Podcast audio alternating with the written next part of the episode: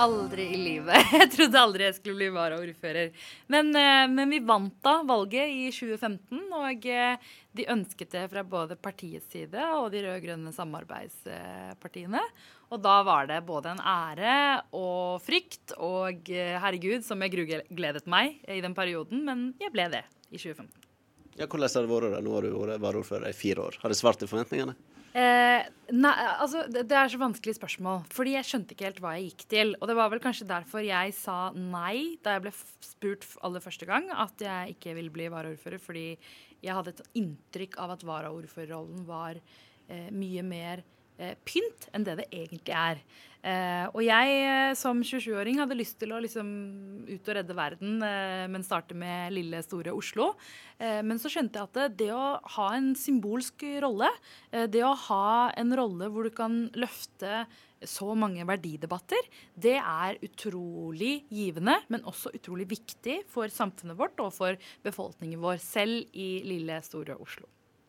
Hva slags eh, verdidebatter er det da, som du føler du har fått løfte? Jeg har fått uh, løftet uh, en del rundt ytringsfrihet. Uh, hvor viktig det er at mennesker kan møte hverandre, møte ulike meninger og holdninger. la seg bli inspirert, men også eksponert for mennesker og ytringer man vanligvis ikke vil bli eksponert for. Og så har jeg engasjert meg veldig mye i dette med å representere samfunnet. og her er det nok noen politiske uenigheter rundt dette med å være hakket mer opptatt av at hele befolkningen skal kunne både se på maktapparater, men også andre organisasjoner og institusjoner, og tenke at de som sitter der, de som jobber der, er mennesker som skal eh, gjenspeile oss. Men helt til slutt så mener jeg at den store verdidebatten er jo også rundt eh, hele denne debatten mellom by og land, eh, hvor jeg er opptatt av at eh, vi som er lokalpolitikere i Oslo, vi er akkurat det. Vi er lokalpolitikere politikere i Oslo. Eh, jeg sitter ikke og forsvarer Stortinget. Min jobb er å sørge for at eh, Oslos befolkning har en god barnehage, en god skole og alle de andre tingene som vi også er opptatt av eh, i Distrikt-Norge. og det å kunne løfte det har også blitt en verdidebatt i seg sjøl, fordi vi er alle mennesker uansett hvor i Norge vi bor. For du tenker at det har vært en verdi da, at du som ung kvinne med innvandrerbakgrunn har fått en så eh, framskutt og framtredende rolle som varaordfører i Norges største by? Jeg, jeg håper og, og tror at, at, mer enn det at akkurat jeg ble varaordfører, er at jeg håper uh, unge jenter, uh, gjerne med og uten innvandrerbakgrunn i Oslo by, uh, kan tenke hvilken rolle de kan ta. Så jeg pleier å si når jeg holder skoleringer for elevrådet, altså om det er Oslo sør eller i Groruddalen, at, så sier jeg på tull da at hvis jeg kan bli varaordfører, så kan du og du og du bli statsminister. men det er veldig mye alvor i den eh, spøken, fordi at vi ser eh, status for ytringsfrihet i eh, Norge, viser jo en rekke forskningsrapporter at de som vegrer seg mest mot å bruke ytringsfriheten sin, er unge eh, og mer enn eldre. Det er jenter mer enn gutter. Og det er eh, mennesker med minoritetsbakgrunn mer enn majoritetssamfunnet for øvrig. Og det vil gi et demokratisk underskudd dersom man ikke tør å eh, for å si det rett ut, åpne kjeften sin, da. På en ganske fersk meningsmåling så får Arbeiderpartiet 12 prosentpoeng mindre enn dere fikk i valget her i Oslo. Hvorfor det? Uh, jeg, uh, vet du hva, jeg har aldri blitt spurt om å kommentere meningsmålinger før, så nå følte jeg meg veldig voksen politiker. uh, men jeg husker da jeg var leder av i Oslo, så satt Arbeiderpartiet i regjering. og jeg husker at mellom 2005 og 2009 så hadde Arbeiderpartiet Eh, eller den rød-grønne eh, flertallet bare to flertallsmålinger. Den ene var rundt 2008, og den andre var på valgdagen 2009. Eh, så jeg lærte ganske tidlig at meningsmålinger er meningsmålinger. Situasjonen her tror jeg at det er én sak som har vært litt i vinden, og det er bompenger. Og da er det vanlig at det er de to tydeligste partiene som da får oppslutning for og mot. og jeg tror ikke Arbeiderpartiet skal være et parti som lar oss liksom eh, vaie med vinden. Jeg tror vi har godt av å være det gode, trygge styringspartiet som vi skal være, både i Oslo og eh, i Norge. Det betyr at vi kan ikke bidra til at store, sammensatte spørsmål får enkle slagordsvar. Eh, og da er jeg mer opptatt av å kunne gi de sammensatte svarene, som også eh, vi bør, fordi det er eh, vanskelige spørsmål eh, alt vi håndterer. Og Når det gjelder klima og bompenger, eh, så har vi vært like tydelige som også Miljøpartiet De Grønne.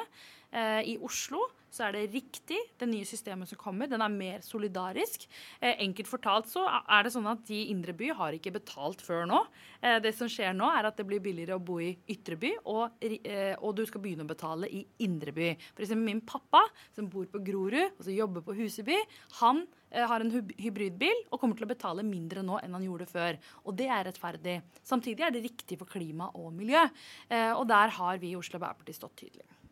Samtidig så viser kartlegging i Klassekampen nå at uh, på Stovner, i Groruddalen, i de uh, bydelene med mange innvandrere med tradisjonell arbeiderklassebakgrunn, altså de bydelene der Arbeiderpartiet her i Oslo har gjort det sterkt, så er folk veldig motstandere av uh, bompenger. Det er der folk er mest skeptiske til bompenger her i Oslo.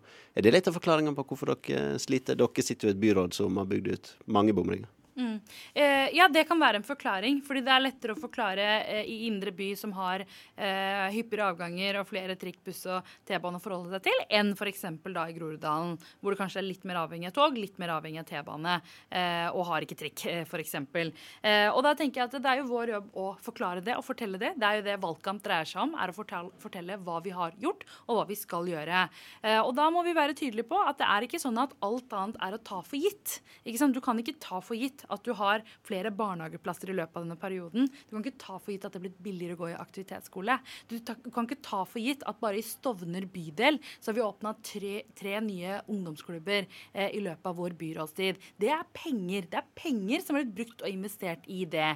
Og jeg tenker at de som da tenker at bompenger er det eneste spørsmålet som betyr noe, bør stille seg sjæl spørsmålet hva er det viktigste i mitt liv? Eh, jeg, vil, eh, altså jeg skal ikke synse for mye, men jeg vil påstå at for de aller fleste er det deres barn, eh, det er deres eldre, eh, det er deres liv sammen. Å kunne ha trygge arbeidsliv, at barn har en fellesskole med gode lærere, og at dere eldre har en god eldreomsorg. At det er det som er de viktigste sakene.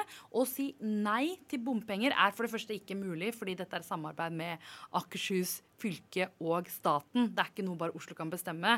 Så egentlig så er jo bompengepartiet litt på bærtur når de lover eh, det, de, eh, det, de, lover. Men så, sånn helt teoretisk sett, da, hvis de skulle få gjennomslag for det de lover, så er det jo egentlig kutt til alt annet. Og da må man spørre seg sjøl er det virkelig dette jeg skal ofre? Og er det virkelig sånn at bompenger er, eh, er det viktigste for meg? Det er store forskjeller i Oslo mellom øst og vest, mellom bydeler med høy innvandrerandel, bydeler med lavere innvandrerandel. Hvordan kan en uh, utjevne forskjellene i Oslo? Altså Det som har skjedd på godt og vondt, er jo at uh, forskjellene er ikke lenger øst-vest, men det er mer sånn det finnes også områder hvor forskjellene internt i bydelene også er store. Men det det handler om, er at det vokser barn og unge opp i Oslo i dag som har ulike forutsetninger, og det er et problem, uh, uavhengig av hvor de bor. Uh, jeg har f.eks. Uh, noen områder i vest også så, hvor, hvor, man ikke er like privilegerte uh, som resten av vestkanten, kan du si. og jeg tror at det er derfor fellesskapsløsninger er svaret. ikke sant? hvis man, og det liksom, jeg tror liksom, tydeligste forskjellen på høyre- og venstresida i norsk politikk, det er universelle ordninger og eh, behovsprøvde ordninger. Universelle ordninger skaper tillit mellom mennesker. hvor mennesker, eh, At jeg, som er datter av en kokk, kan gå i skole med en bedri altså datter eller sønn av en bedriftseier eller statsråd, det er jo store norske drømmen. ikke sant? Fordi du da ikke bare lever i eh, fordi du da ikke bare bor i den samme byen, men også lever i den samme virkeligheten. Eh, og det er drømmen min for Oslo. Eh, så jeg tenker at eh, ja, det er noen sånne øst-vest-konflikter i media. Jeg vet at østkanten i Oslo er nasjonal kamparena, som Andreas Slettholm i Aftenposten har skrevet om tidligere. Og det er så riktig. Alle har en mening om det, men få har vært der. Ut, altså, særlig de av utenfor Oslo i Norge. Um, så jeg føler liksom Jeg er både hele byens varaordfører, men jeg er fra Groruddalen, og jeg kommer aldri til å slutte å framsnakke Groruddalen. SV og Rødt eh, deler jo noen av de synspunktene på fellesskapsløsninger og gjør det veldig bra på meningsmålingene nå. Til sammen er de omtrent like store som Arbeiderpartiet på målingene. Har de klart å være tydeligere enn dere her i Oslo? Vet du, Jeg er ikke så bekymra for at SV og Rødt gjør det bra. Eh, SV, MDG og vi vi har et kjempegodt for, uh, samarbeid. Eh, I mange mange år så har Arbeiderpartiet hatt uh, kjempestor oppslutning i Oslo. Men vi hadde ikke store nok venner. Eh, vennene våre de var små, så vi klarte ikke å danne et rød-grønt flertall. Men nå er vennene våre store, eh, og vi litt mindre. Men sammen er vi et kjempestort rød-grønt flertall. Og det, er liksom, det gjør meg glad. Det er kjempeviktig. Det betyr at Oslos befolkning ønsker en grønnere og varmere retning. Eh, og, og så skal vi gå for det. Det er pri én. Men pri to er at Arbeiderpartiet skal være størst mulig. Og da må vi få fram alt det vi gjør som har vært viktig for oss. Arbeiderpartiet er et styringsparti. Eh, og noe av det største budsjettpostene i, ved siste revidert budsjett i, to, i 2019 nå, eh, det var å nedbetale gjeld. Det er noe som Arbeiderpartiet er opptatt av. En annen ting som Arbeiderpartiet har, eh, har vært opptatt av i, i denne byrådsperioden, det er Oslo-modellen. Eh, det å liksom bruke den makta vi har som innkjøper, og en av de største innkjøperne i Norge, eh, gjør at vi har et ansvar. Eh, og det ansvaret har vi eh, skapt eh, og vist via, via Oslo-modellen, hvor vi stiller krav til de bedriftene som legger inn anbud hos oss. og Robert Steen, finansbyråden vår, han har stått i bresjen her. og vi har skapt skapt dette her sammen med eh, fagbevegelsen i, i, Oslo. Hvor de som eh, legger inn anbud for å bygge noe i Oslo, de må oppfylle visse kriterier før de det hele tatt slipper inn. Alle husker søppelkaoset.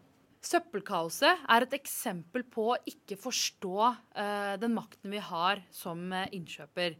Uh, når vi legger ut anbud, så må vi stille noen krav. Hvis pris er eneste kravet vi stiller, så kommer ikke kvaliteten til å bli god. Og kvaliteten kommer heller ikke til å være bærekraftig.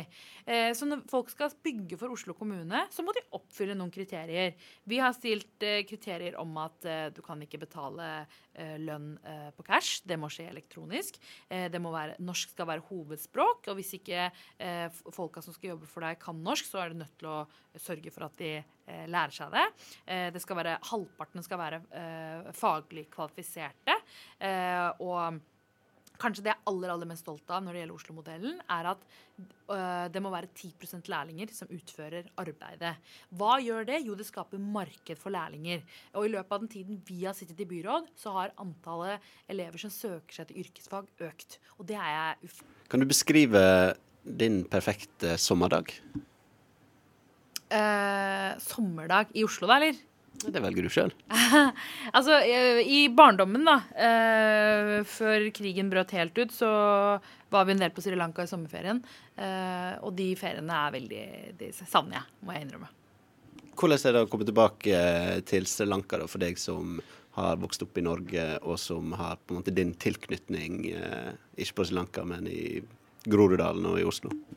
Så lenge man har så mange familier eh, i et annet land, eh, så vil det alltid være andre eh, hjemmet ditt. Eh, og, så, så, er jo, man er jo hjemme der også, men ikke helt kulturmessig. Hjemme fordi jeg er en del familie der, og de tar vare på deg, og de viser den samme omsorgen og varmen.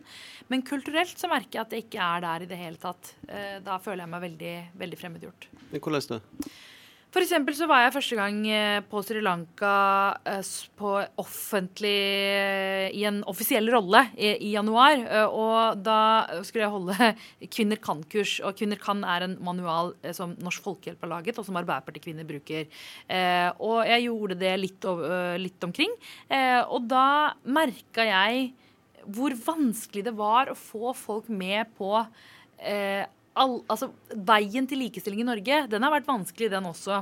Og når jeg snakker om det, så merker jeg at jeg får bare eh, høre at Ikke alle, da, men noen. At dette her er vestlige verdier, og det hører ikke hjemme her. Eh, og da kjenner jeg på en enormt avstand mellom meg eh, og damene på Sri Lanka. Eh, men jeg blir samtidig også mer engasjert da, til å bidra. Altså Folk i Sri Lanka sier at likestilling og de verdiene de er vestlige og, og hører på Sri Lanka, er det det? At enkelte kategorier innenfor likestillingspolitikken er vestlige verdier. F.eks. så snakket jeg om abortloven, eh, og det var fy-fy. Det skulle vi ikke snakke om. Jeg snakket om prevensjon. Eh, det var ikke helt greit. Jeg snakket om eh, felles ekteskapslov. Eh, altså Hvis kvinner skal leve sine eh, liv som de sjøl ønsker, så må vi også snakke om lesbiske kvinner som ønsker å gifte seg med en annen dame. Eh, og det var også veldig vanskelig. Eh, men jeg tenker at vi har en jobb å gjøre, også utenfor Oslos grenser. Skal du reise med fly i sommer? Jeg skal dessverre det. Jeg... Har du flyskam? Ja. Så jeg har, jeg har begynt å fly mindre. Eh, og da er ikke alternativet tog, for tog tar altfor lang tid. Eh, men alternativet er at jeg sender en videohilsen og jeg des og prioriterer oppdrag i Oslo. Hvorfor har du flyskam? da? Fordi det går utover klima, eh, og klima er et solidaritetsspørsmål. Hvis du er opptatt av rettferdighet og solidaritet, så må du ta vare på klima, fordi det handler om hva vi gir videre til kommende generasjoner.